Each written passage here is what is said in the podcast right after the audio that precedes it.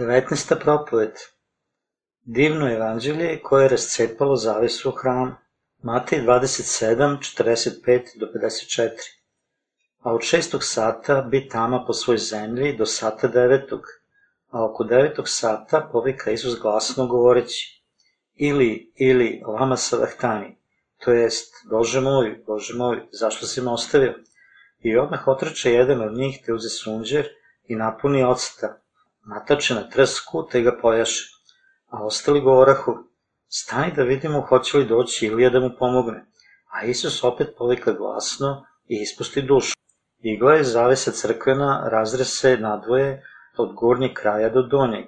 I zemlja se potrese, i kamanje se raspade, i grobovi se otvoriše i ustaše mnoga tela svetih koji su pomrli. I izašavši iz grobova po vaskrsenju njegovom, uđoše u sveti grad i pokazaše se mnogima. A kapetani koji s njim čuvahu Isusa, vidoši da se zemlja trese i šta bi, oplašiše se vrlo govoreći, zaista ovaj beše sin Boži. Da bi shvatili istinu ovog divnog evanđelja, najpre moramo znati i shvatiti žrtveni sistem pripremljen da oprosti ljudske grehe pred Bogom u Starom Zavetu. Vi morate najpre znati i verovati sledeću istinu – Saglasno starom žrtvovanju za kajavanje, kako je zapisano u Levitima, poglavlje 16 u starom zavetu, visoki sveštenik je polagao svoje ruke na, život, na živog jarca i prenosio bi na njega sve grehe skupljene od ljudi u toku godine.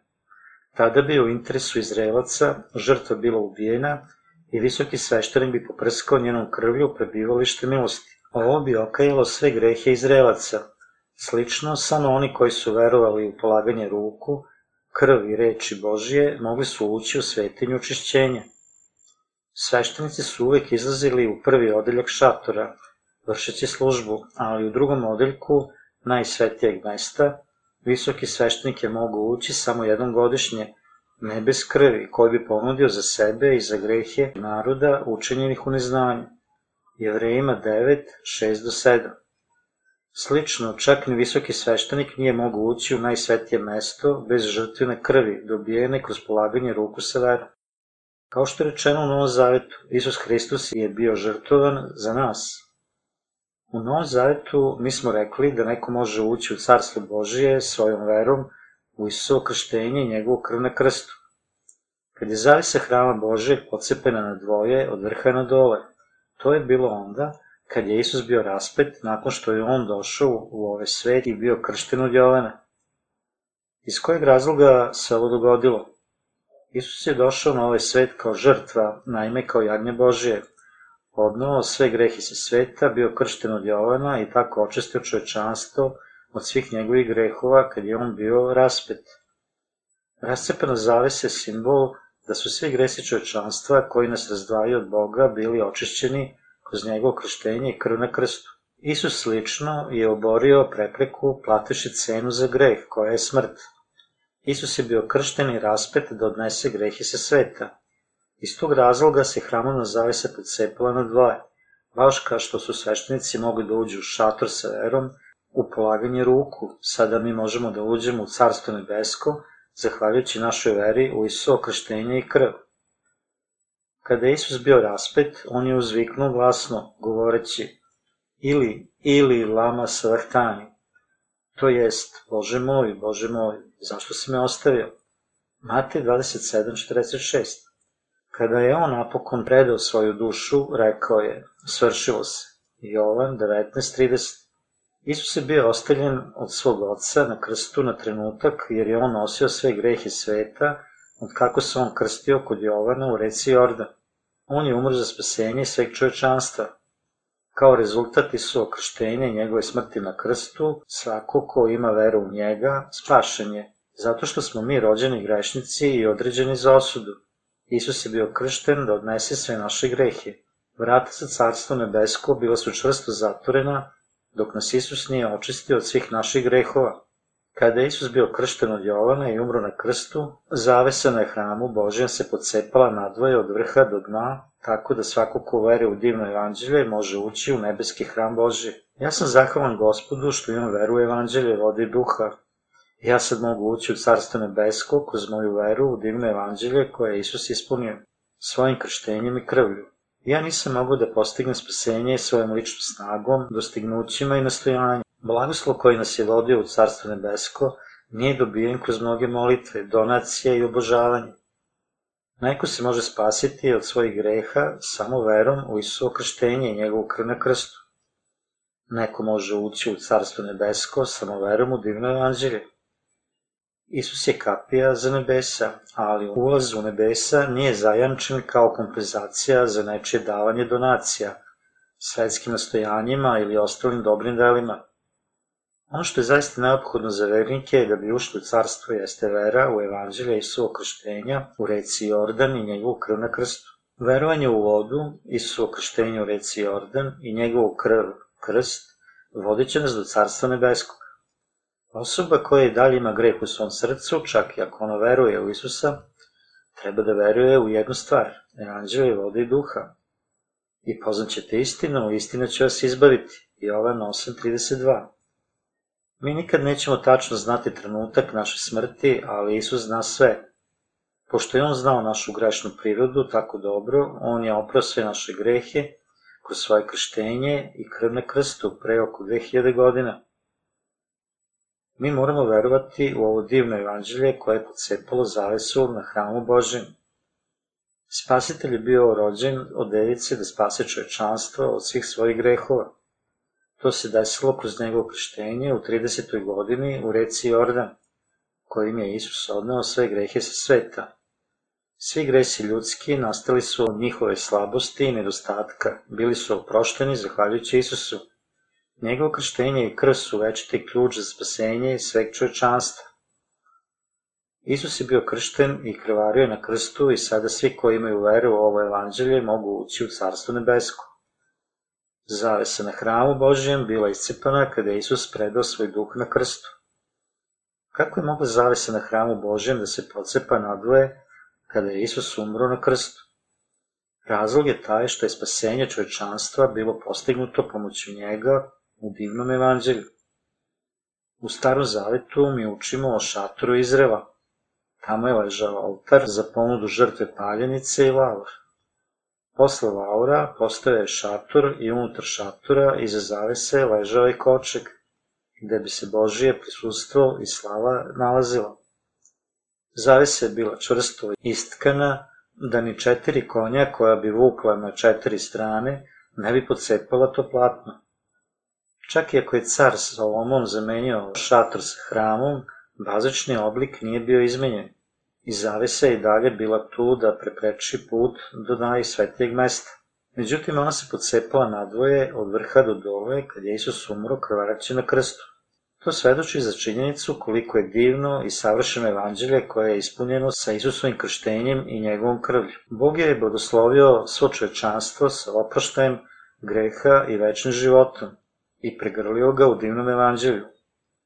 Isus kao žrtva platio cenu za greh kad je on bio kršten od Jovana i umro na krstu. Biblija kaže, plata za greh je smrt, Rimljani 6.23. Baš kao u vreme Starog Zaveta, čovjek je mogu ući u hram Boži sa krvlju od žrtve i primiti oproštenje za greh.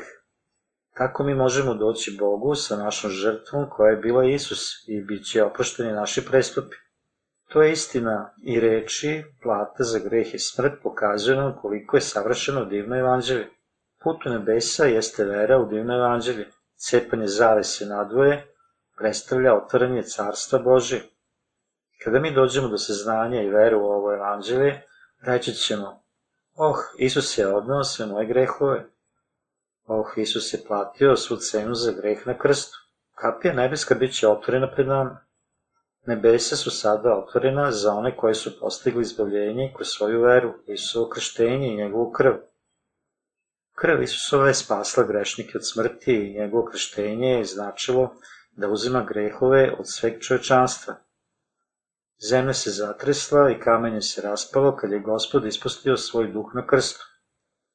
Baš tada njegova krv je padala na zemlju i počela da teče naniže do zemlje. Kad je Isus umro na krstu, svi gresi čovečanstva bili su očišćeni. Divno evanđelje je bilo ispunjeno i svi vernici su postali kvalifikovani da uđu u Carstvo nebesko. To je velika istina ponovnog rođenja. Ima puno naučnika koji vođeni istraživanjem traže da ukinu postojanje Isusa Hrista kao realne osobe, ali oni ne mogu da opstanu sa svojim pretpostavkama protivno bezbrojnim istorijskim beleškama o njegovom postojanju. Među njima mnogima je dato i dolaze do vere u evanđelje Isuo krštenja i krvi. Oni dolaze do shvatanja da je prisustvo Isusovo bilo i previše stvarno da bi ukinuli njegovo postojanje. Oni su prihvatili Isusa za svog spasitelja kad su došli do seznanja i vere u divno evanđelje. Naime, njegovo rođenje, krštenje, smrt, vaskrsenje, vaznesenje i drugi dolazak. Mi nismo svedoci Isusovog krštenja, naše oči nisu videle šta se dogodilo oko 2000 godina ranije. Međutim, kroz ono što je zapisano svako može doći u kontakt sa ovim divnim evanđeljem. Isus je srušio barijere od greha između Boga i čoveka kroz svoje krštenje i krv. Iz toga je zavesa carstva bila pocepana nadvoje od vrha na dole. Sada svako ko veruje ovo divno evanđelje koje je izvršeno Isusovim krštenjem i njegovom krvlju može ući u carstvo nebesko. Da li imate veru u činjenicu da Isuo krštenje i njegova krv na ime divno evanđelje ključ za carstvo nebesko? Ja sam lično nekad bio grešnik koji je verovao da je Isus moj spasitelj, ali to mi je bilo divno evanđelje. Međutim, jednog dana ja sam čitao o njegovoj bezuslovnoj ljubavi prema meni u Bibliji. Ja sam došao do saznanja da je on bio kršten radi mene. Umro na krstu radi mene i vaskrsao je radi mene. Isus nas je spasao budući da je kršten u reci Jordan i raspet da plati cenu za greh zbog svoje ljubavi prema nama. Mi smo sposobni da uđemo u Carstvo nebesko verom u divno evanđelje. To je Božja najveća pravednost prema čovečanstvu i epohalno ostvaren istorijski događaj. Sve njegovo svršenstvo, njegovo rođenje, krštenje u reci Jordan, smrt na krstu i vaskrsenje bilo je da nas spase od svih naših grehova. Mi smo određeni za pakao nakon naše smrti, ali je Isus poštedao naše duše od večnog pakla i darovao nam divno evanđelje kao put za ulazak u Carstvo nebesko. Draga braćo, kada je Isus umro na krstu, jedan vojnik je probušio njegov bok sa kopljem i odmah su krvi voda potekli. To je tako zapisano u Bibliji. Ovo svedoči za istinu o divnom evanđelju Isuo krštenja i njegove krvi. Da li smatrate da je vaša vera u Isuo krv na krstu nedovoljna da vas oslobodi od sveg vašeg greha? Da li je Isuo krštenje manje značajno ili samo sporedno za naše spasenje. Ako verujete ovako, molim pokajte se. Mi se treba da verujemo u evanđelje Isuo krštenja i krvi i da to prepoznamo kao Božju istinu. Da li želite da budete očišćeni od svih vaših grehova?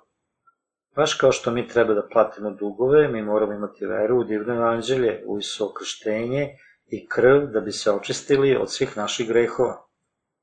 Mi ne treba da počinimo greh nevere u evanđelje i svog krštenja i krvi. Iako mi nismo direktno preneli naše grehe na Isusa, posrednik zvani Jovan Krstitelj je obavio zadatak za nas. Kada je Isus umro na krstu, neki grobovi od svetih u Jerusalimu se otvoriše i tri dana kasnije on je vaskrsao i otišao u Galileju. Ovaj predivni događaj se zaista odigrao, ali ima mnogo ljudi koji ne veruju u to.